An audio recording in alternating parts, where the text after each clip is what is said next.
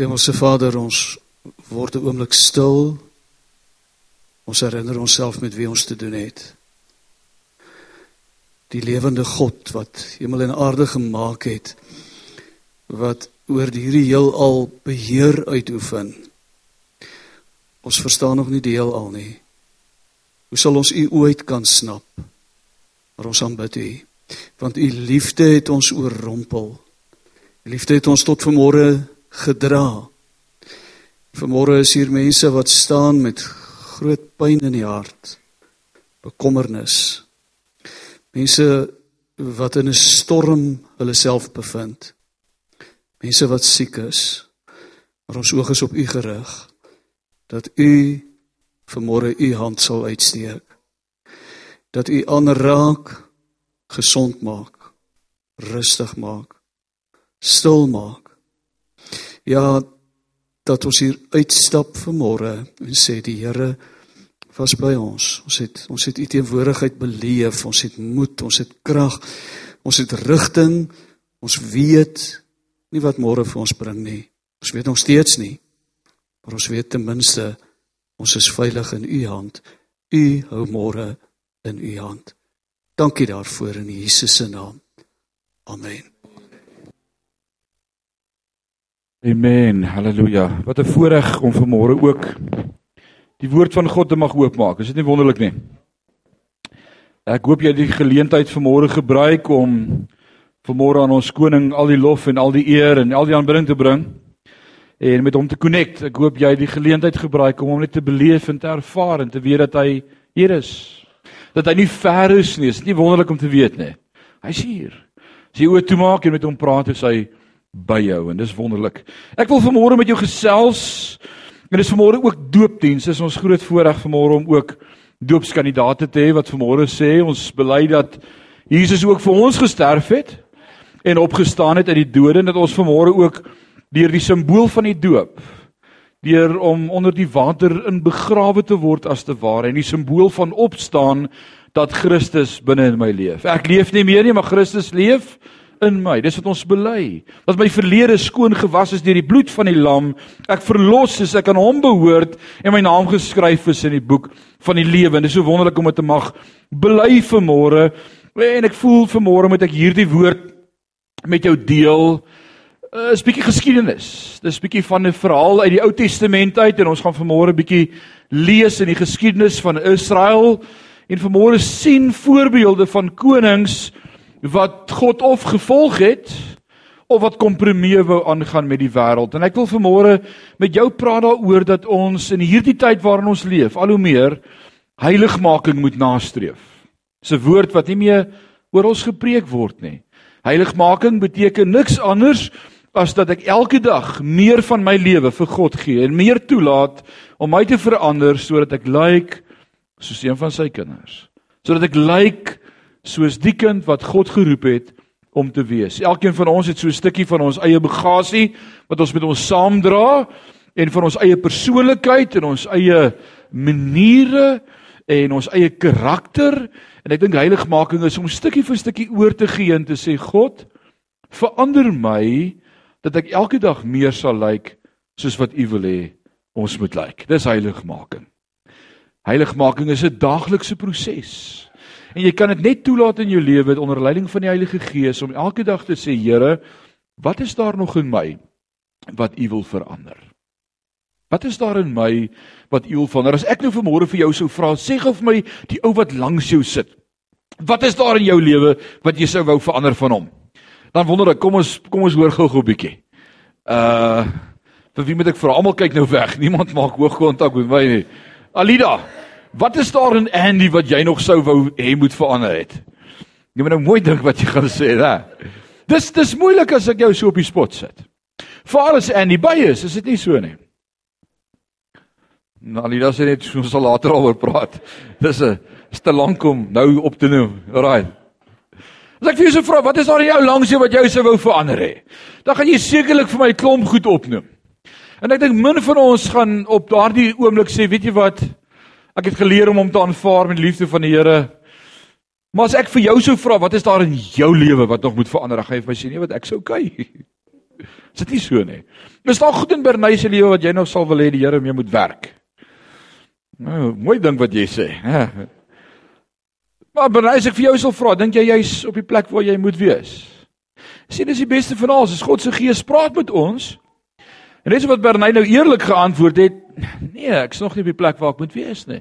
So weet jy vanmôre, jy's nog nie op die plek waar jy moet wees nie. Ronnie, are you at, are you at the place where you're supposed to be? So what's the matter? Just hurry up and get there. Jy sien, dit is die beste van alles as ons weet dit. Tanya, as ek vanmôre vir jou sou vra, is jy al op die plek waar God jou wil hê? Dan gaan elkeen van ons vanmôre sê, I'm getting there. I'm getting there. Stukkie vir stukkie en dis heiligmaking. En ek wil vanmôre jou aanmoedig om te sê, kry klaar. Kry klaar met die dinge van die wêreld en met die met die aarde en met en, en met verhoudings wat nie God se blessing wegdra nie. En kom op die plek waar God jou kan gebruik en kan bless en kan seën. Ons kyk vandag en ons begin blaai in twee kronieke. Ons gaan 'n bietjie kyk in die in die in die boek Kronieke, the Chronicles.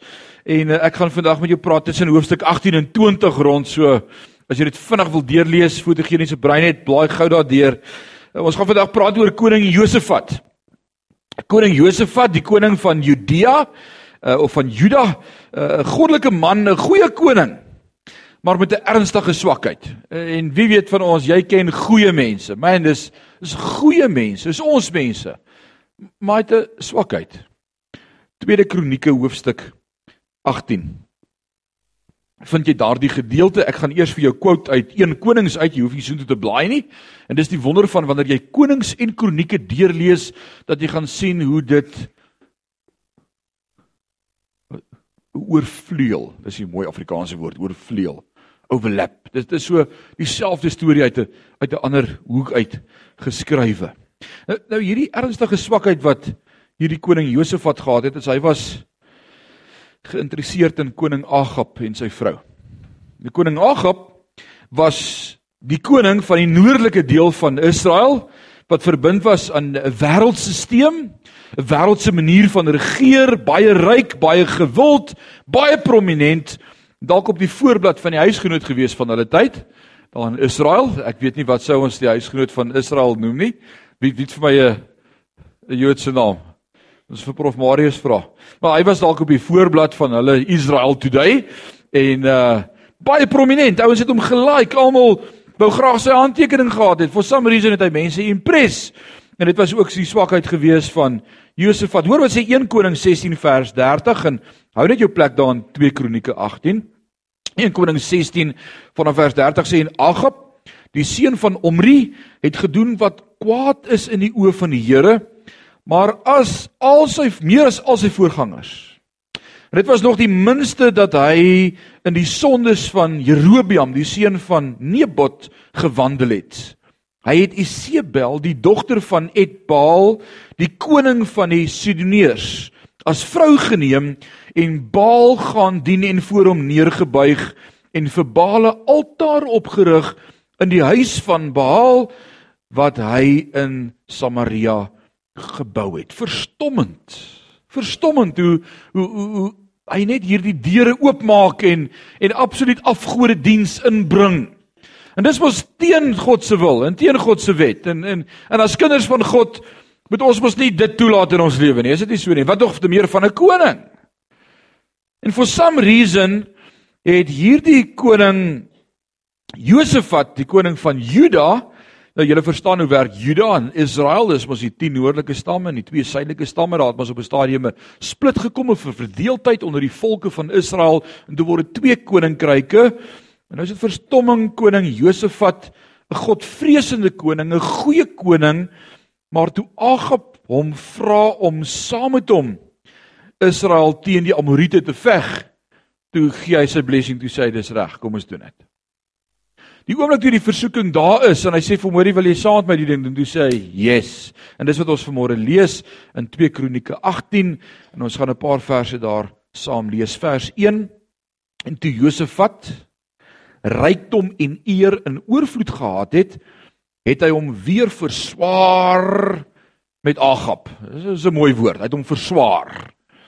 Hy het hom belas. Uh, he was heavy. Yeah, he was a heavy brother. Hy het hom verswaar. En na verloop van enkele jare het hy afgetrek na Agab na Samaria en Agab het hom en die manskappe wat by hom was skape en beeste in menigte geslag en hom opgehits sê saam met my aangehits om teen Ramot in Gilead op te trek. So hy hits om aan. Hier's 'n invloed van buite af. Dis nie God se stem nie, dis 'n ander stem waarvoor hy sy hart oopmaak en sê saam met my weer op aangehits. Dis wat die duiwel doen. Hy hits ons aan om sonde te doen, om teen God te draai, om sonde te doen. Jy het 'n pel of twee en hulle hits jou aan en motiveer jou, "Come on, kom saam met ons." Come on, die manne gaan vanaand bietjie kuier. Jy's mos 'n man en nie 'n muis nie. Nee, dis dis hoe die duiwel werk met ons. Hulle hits ons aan. Dalk soos wat uh wie was Samson se meisie? Delila. Sy het hom aangehits om sy geheim aan haar bekend te maak. Sy het hom dronk gemaak. En toe het hy al hierdie riddels gehad, al hierdie uh, wat s'e Afrikaans vir 'n riddel raaisels gehad. En, en en gesê as jy my hare vleg en met penne vaskap en die en daai en en naderhand toe het hy net sy hartsgeheim bekend gemaak en ingegee. En dis wat ek en jy doen as die wêreld lank genoeg aanhou om ons aan te hits en aan te por en te moan en by ons te nek. Wie weet, wie ken daardie woord? Wie is almal getroud? Nek, nek. En uh dit dit gebeur mos. As jy aanhou nek dan nader aan dan of as jy kinders in die huis het. Jy ken van nek, dan nader aan dan gee net in. Wel, hy het by hom aangehits om op te trek. Vers 4 sê verder het Josafat aan die koning van Israel gesê raadpleeg tog eers die woord van die Here. Hoor wat sê Josafat? Josafat uh, hy wil 'n kompromie aangaan. Hy hy weet wat is reg uh, en dan sê hy vir Agab, hoor net eers ook by die Here. Hy wil daarom nou nie net klink soos 'n Filistyn nie. Hy wil daarom die regte ding doen. Ek het jy al vir iemand gesê ek sal daaroor bid? maar jy het net klaar in jou hart besluit, is okay, ek sal dit maar doen. Ek gaan ingee. Maar ek gaan daaroor bid baie heilig. Want hoe laat roep hy die profeet Micha en hy profeteer teen die res en God se profet God se profete is nie gewild nie. Wie weet dis die waarheid? God se profete is nie die goed wat altyd jou streel op jou gehoor en sê wat jy wil hoor nie. God se profete is die ou wat die reguit woord bring en sê dis wat die Here sê. Dis nie 'n gewilde woord nie. Dis nie om in te wees of nice te wees om te wil hê jy moet hou van my nie, maar dis wat God sê. Dis altyd die teken hoe ons weet dit kom van God af. Dis is regheid. God praat reguit. Nou vers 30 En die koning van Aram het die owerste van die strydwaans beveel gegee en gesê jy moet nie klein of groot beveg nie net die koning van Israel alleen. Ah, die oorlog is teen die koning. En sodra die owerste van die waans Josafat sien, sê hulle dit is die koning van Israel. En hulle het om omsingel om te veg. Maar Josafat het geskree. En die Here het hom, sê met my, gehelp. En God het hulle van hom af weggelok. En koning Agab, hy sterf daardie dag. Dit was sy laaste dag gewees. En toe kom daar nog 'n profeet. Nog 'n profeet kom op die toneel en ons lees dit in hoofstuk 19 vers 1. As jy net verder kyk. Maar toe Josafat die koning van Juda behoue na sy huis in Jerusalem terugkom het die siener Jehu die seun van Hanani uitgegaan hom tegemoet en aan koning Josafat gesê moet 'n mens die goddelose help Daai woordjie help in die konteks van dit wil ek vir jou vra moet ons as kinders van God by die goddelose verhoudings betrokke wees by die goddelose dinge by sonde. Alraai, dis wat die vraag vra en het u lief wat die Here haat sien daar bevestig hy dit? Het jy God lief in jou lewe? Ons sê vanmôre ja, dis hoekom ons hier is as hy kerk. Ons bely vanmôre ons het u lief. U beheer ons lewe. Ons wy ons lewe aan u. Ons skuld ons lewe vir u. En nou is die vraag, Het jy goed lief wat God sê? Ek haat dit. Nou dis 'n vreeslike woord om te sê God haat. Wat is daar wat God haat? God is dan 'n God van liefde. Johannes 3 vers 16 sê dan want so lief het God die hele wêreld gehad dat hy sy seun gegee het. Wat is daar wat God haat? Sonde. Oom Janie, ek hoor jou sonde. God haat sonde. Hoe hoekom haat God sonde? Why does God hate sin? Because he knows wie wie wil antwoord hier? Want hy weet wat sonde met jou gaan doen. Sonde gaan jou verwoes. Sonde gaan jou doodmaak. Sonde gaan jou plek steel in die koninkryk van God. Sonde wil jou skei van God se teenwoordigheid. En as die pastoor Rolf so mooi en baie welkom vir jou en vir Annie vanmôre by ons. Pastoor Rolf van Rooyen is lekker om hulle hier te hê. Rolf, hoe oud is jy al? Staan net gou op dat die, die jong man net sien hoe lyk 'n man van see. Draai net so 'n bietjie om. 87 jaar oud. Geef hom Rolf aan 'n klap. En hy preek nog steeds die evangelie boodskap. En hulle gaan nog steeds op missies en uitreike en hulle vertel van die goedheid van God en Annie aan sy sy die Here het julle bymekaar gesit. Ons is bly om julle ook saam met ons vanmôre. Wat sê Rolf? Wat is sonde? Sou syn? Wat beteken daai woordjie? Om te mik na 'n doel of 'n target en te skiet en die doel te mis. Wat is God se doel vir jou lewe? Wat is God se plan vir jou lewe? Weet jy wat is God se plan vir jou lewe? Ek dink dis waar dit begin. Dis die vraag vir môre. Weet jy wat is God se plan vir jou lewe? En ek dink dis baie van ons wat vanmôre sê ek, ek weet nie wat God se plan vir my lewe nie. Wat is God se plan vir jou lewe? Tanya, wat is God se plan vir jou lewe? Wat sê ek het gedagtes aangaande jou van voorspoed en hiervan om jou 'n hoopvolle toekoms te gee. Dis God se plan vir jou lewe. Dis great. Dis great. Oom Leon, wat is God se plan vir jou lewe vandag?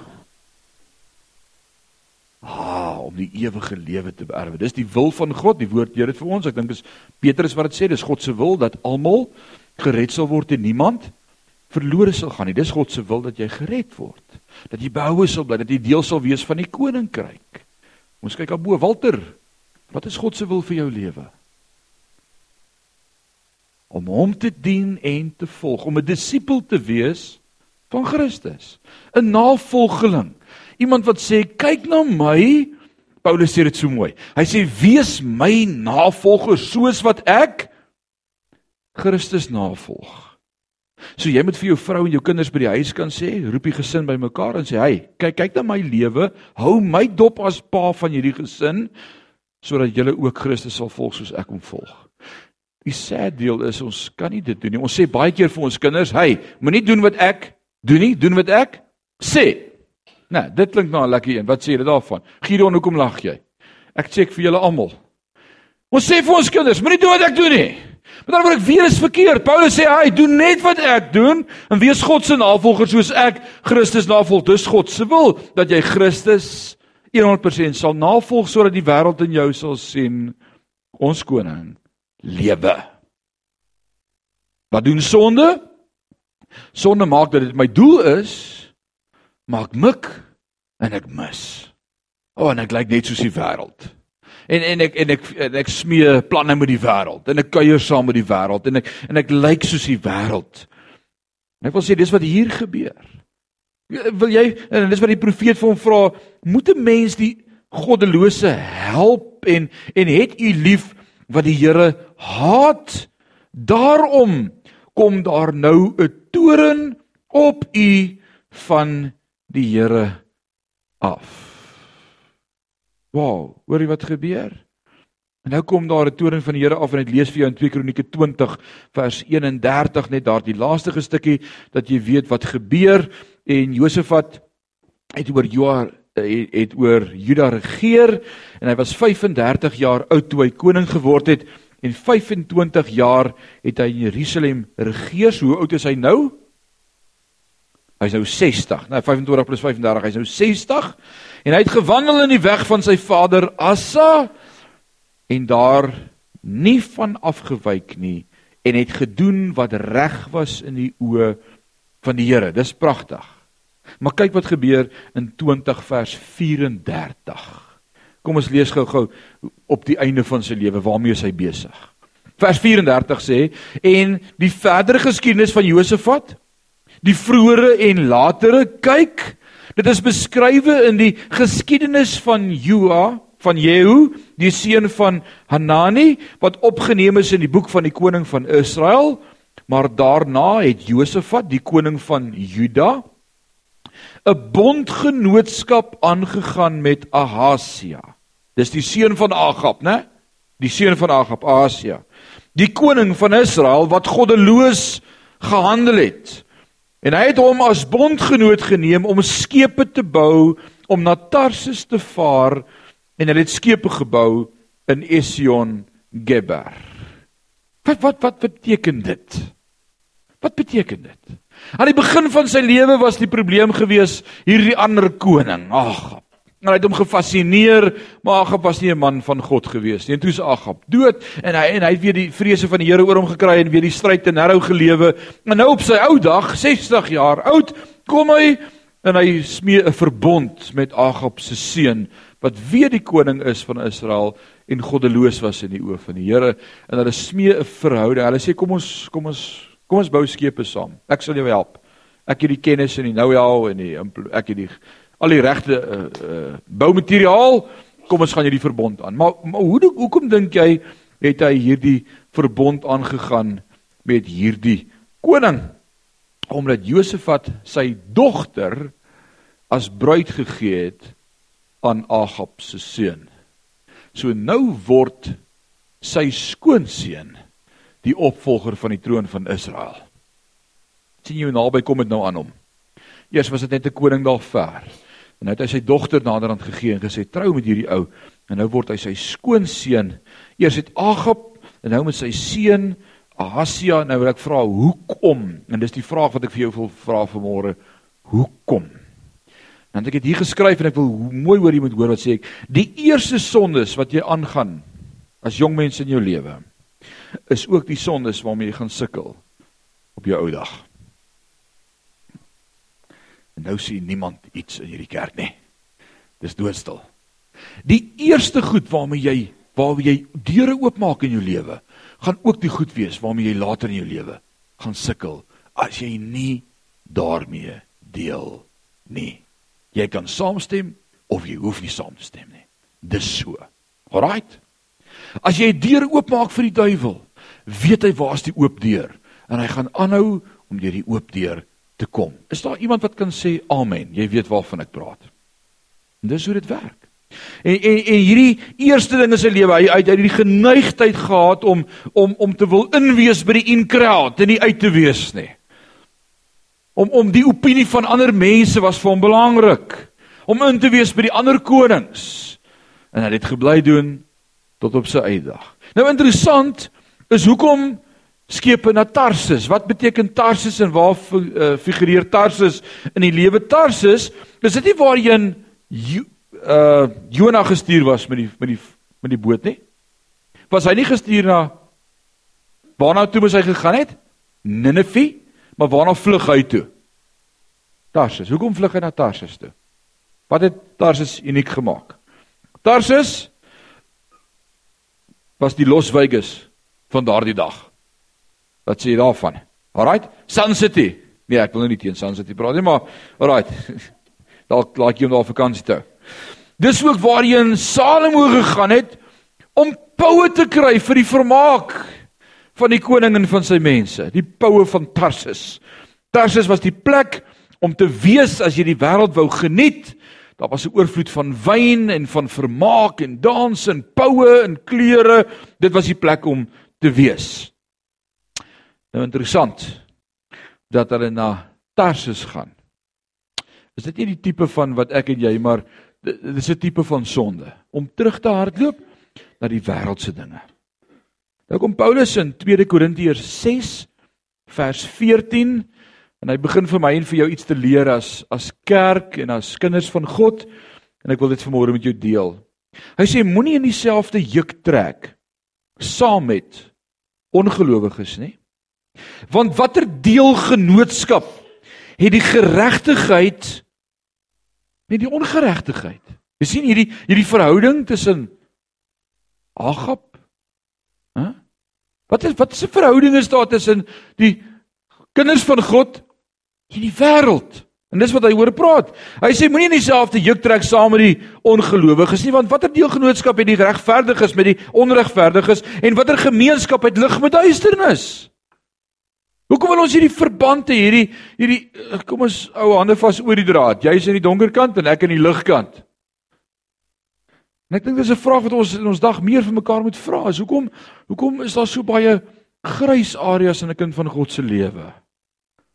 Lyk ons regtig soos die kerk of lyk ons soos die wêreld? Wat sê die woord van die Here in Romeine 12 vers 1 kom en dan sê hy vir ons wat is ons redelike godsdiens dat ons onsself sal gee ons as lewende heilige en aan God welgevallige offers. Alraight, dan sê hy dis julle redelike godsdiens. Dan kom hy in vers 2 en dan sê hy werd word nie aan hierdie wêreld sê saam met my gelykvormig. Wat beteken gelykvormig? dieselfde. Word nie dieselfde as die wêreld nie.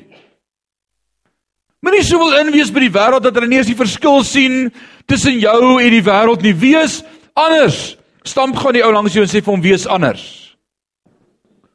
Ronnie, I said hit the one beside you. Sê so vir jou klapjie. Wees anders.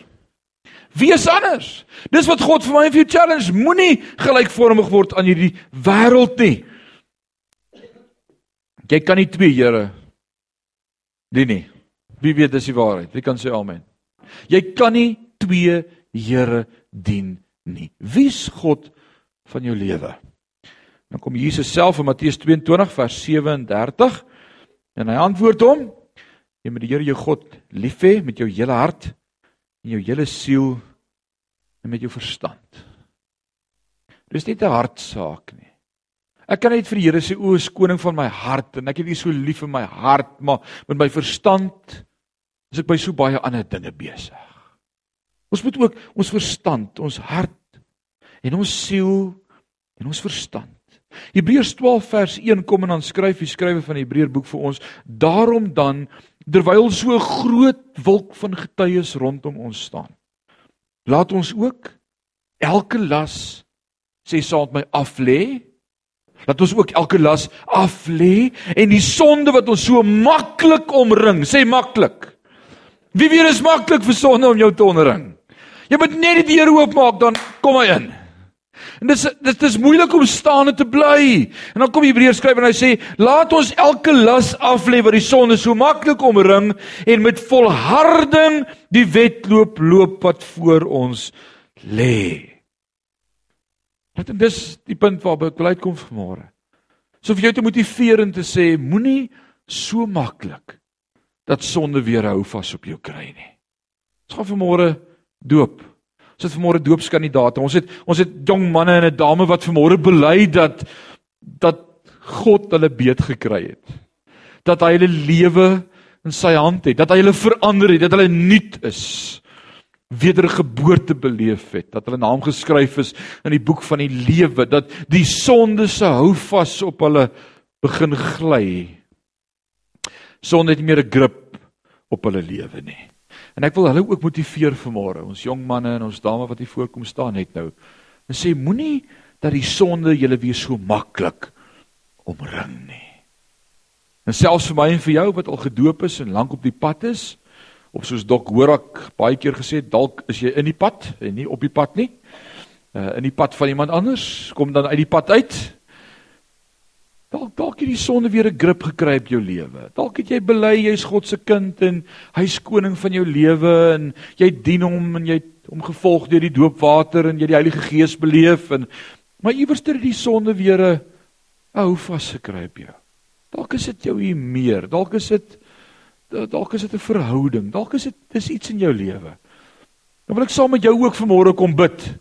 Vanmôre vir jou ook hierdie gedeelte gee Hebreërs 12:1 wat sê daarom dan met hierdie groot wolk van getuies rondom ons as jy Hebreërs gaan lees en hy praat oor die geloofshelde dan praat hy met jou oor manne wat ons voorgegaan het en wat 'n vaste geloof gehad het in God. En dan dink ek vanmôre aan aan manne wat anders was in die Bybel, ook vroue.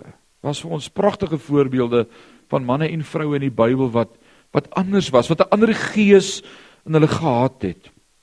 En jy saam my dink vanmôre aan Daniël. Kan jy die storie onthou van Daniël? Ons het dit in die kinderbybel gelees, dit was een van die eerste prentjies Daniël in die leeukuil. Dis hoekom ek dit onthou daai impressive leeu's wat so al om hom sit en dan kyk hy vir hulle en dan sien jy die engel daar staan wat die leeu se bekke sluit. Maar Daniël het nie geweet die leeu se bekke gaan gesluit wees nie. Dis 'n hindsight as ons terugkyk dan sien ons die einde. Maar wat was Daniël se storie? Daniël bid 3 male dag tot God. Oggend, middag en aand maak hy sy vensters na die ooste oop en hy gaan op sy knieë en hy aanbid die lewende God. En dan dan kom daar 'n skrywe uit deur manipulasie en beïnvloeding van die koning se beamptes gee hy sy stamp op 'n wet wat sê daar mag geen ander god in hierdie koninkryk aanbid word behalwe ek nie. En Dawid sê ek sal my knieë net voor God buig. En Dawid ag Dawid, wat soek Dawid nou in? Daniel se storie. Alraai. En en Daniel sê daar's nie 'n manier nie, ek gaan nog steeds tot God bid en hy maak nog steeds die vensters oop. Ek wonder of ek dit sou doen. Bedoel God ken my hart. Ek kan mos maar agter 'n toe venster bid. Kom Leon, wat sê jy? Ek wonder waar sal ek en jy begin om die kompromie aan te gaan? As die taf as die tye begin taaf raak, né? If the if if the what gives wat sê hulle? If the going gets tough, the tough gets going. Ek wonder as tye om my en jou gaan begin moeilik raak. Hoe gaan ons compromise met ons geloof en ons verhouding met God dat die wêreld sal weet ons is God se kinders? Ek wonder net daaroor. Daniel sê daar's nie 'n manier nie. Ek compromise nie. My vensters moet oop. En hy gaan op sy knieë voor die lewende God en hy bid nog steeds. En dan kom hulle by die koning en sê hy Jy het hierdie wet uitgevaar, so man moet sterwe. En dan is die koning hartseer. Want hy Daniel gelike. En dan word Daniel in die leeukuil gegooi. En ons dink dis Daniel se einde. Dis hoe hy sterf, maar nee. God het die laaste sê. En daarom wil ek jou motiveer en aanmoedig vanmôre om nie bang te wees vir wat mense sal sê nie of wat mense sal doen nie. Daniel het 'n besluit gemaak, ek dien God. En hy bly daarby. En dan kom die engel en hy sluit die bekke van die leeu's. It's a great story, mooi einde. Hy's gered en gebewaar. Ken julle die storie onthou van Sadrag, Mesig en Abednego? Drie jong Joodse seuns. Presies dieselfde storie. Die koning sê almal moet voor hom neerbuig as die musiek speel en die musiek speel en hulle bly staan. Hulle sê ons buig nie ons nie voor 'n ander god nie. Ons gaan nie kompromise nie. Ek wonder of ek iets op die grond sou gooi en maak of ek dit optel. Net sê Here, ek het nie gebuig nie, ek het net die 50 sent opgetel. Dit het geval. Toe almal is happy. Ek weet ek het nie gebuig nie, maar ek het daarom gelyk of ek afgaan. Dis okay. Ek wonder wat se kompromie ek en jy sou aangaan in daai oomblik as jy weet dit kan my lewe kos om te sê ek is anders. Maar bly staan. En dan praat die koning met hulle sê dalk het julle nie gehoor nie. Ek gaan julle tweede kans gee. Dalk was die klankstel te sag. Ons gaan dit harder sit dat julle ook kan hoor as daar musiek gespeel word. Buig en dan bly hulle staan. En dan sê die woord vir my so pragtig. Hulle maak die volgende verklaring hierdie drie jong manne in hulle roekelose verklaring van hulle geloof in God. Hulle sê ons sal ons knie nie voor 'n ander god buig nie. Dan sê hulle vir die koning, ons God is by magte. Ons ons weet van Daniël se storie. Ons onthou nou die dag toe hy in die, in die leeukuil was. En ons weet ons God is by magte om ons te verlos uit die vuurwind o koning. En dan dink ek my verklaring sou daar opgehou het. En dan kom hierdie volgende gedeelte wat my tussen die oë slaan en vir my sê dis wat dit beteken om nie te kompromise nie. En dan sê hy die volgende en al doen hy dit nie. Hy bly God. Dit sou nice wees as ek sê jy gaan sien God gaan my uitbring. En baie keer in ons lewe wil ons dit vir die wêreld sê. Jy gaan sien ek gaan gesond word. Jy, jy gaan sien ek gaan geld kry. Jy gaan sien ek gaan nou die lotto wen. nie in hierdie kerk nie, hoor. Uh, jy, jy jy gaan sien dit gaan gebeur. Jy gaan sien ek gaan die beste hoe sê. Maar wat van as dit nie so werk nie? Daar's geen kompromis spel en jy sê en al doen God dit nie. Ons wil net vir jou sê ons weet. Hy bly God. Ek dink dis 'n mooi gesindheid. Dis 'n mooi geloof van van God. En dan red God hulle in die vuurwind ontdek hulle die vierde een en en dit word beskryf as die engel, die seun van die mens, God self kom en in hulle moeilike omstandighede verskyn hy aan hulle en openbaar homself aan hulle. Wil jy weet waar leer jy God ken? Regtig ken? In jou moeilike tye. In jou krisistye. In jou tye wanneer jy langs 'n bed staan en nie weet wat om te bid nie. Jy jy's net te dom om te weet eers wat om te vra. Here, U weet. Jou krisistyd wanneer jy siek is en daar niemand is om jou te help nie. Wanneer jy in 'n finansiële voetnorsing is en niemand wil eers die foon antwoord as ek bel nie. En my airtime is klaar. En die polisie kom is op. En ek het geen manier om te sê help nie. Behalwe met God te praat. Oh man is awesome. Dis al die stories van mense wat opgestaan het en 'n stand gemaak het vir God, het almal mooi eindes. Nee. Ek, ek dink vanmôre saam met jou aan 'n man van die naam Stefanus. 'n Jong man in wie daar 'n ander gees was, God se gees. En Stefanus was een van die eerste martelare vir Christus in die Nuwe Testamentiese kerk van Handelinge. Stefanus het opgestaan en gesê ek is anders. Ek het nie 'n kompromie met die wêreld nie. Ek staan vir wat ek glo en ek bely wat ek glo en ek sê wat ek glo. Ah, hy kon sy storie gechange het. Hy kon stil gebly het. Hy kon nie gepreek het nie. Hy kon die pad gevat het toe hy sien dit begin moeilik gaan om hom. Maar hy doen nie. Hy bly preek. Dan gryp hierdie klomp Jode hom van die Sanhedrin. En hulle gee hom 'n pak sla. Hulle tel klippe op. En die woord leer later vir ons in Handelinge dat Saulus wat daar hy was daar gewees die dag hy het, hy het die manne se baadjies vasgehou. Hy het nie sy hande vuil gemaak nie. Hy sê wag, ek sal julle baadjies vashou terwyl julle die klippe gooi. Hy staan aan een kant en kyk en hulle stenig vir Stefanus. Was God by magte om Stefanus te red? Oh, Jesus. Hy kon net 'n woord gesê het. En almal het dood neergeval. Hy kon Kan God gesond maak?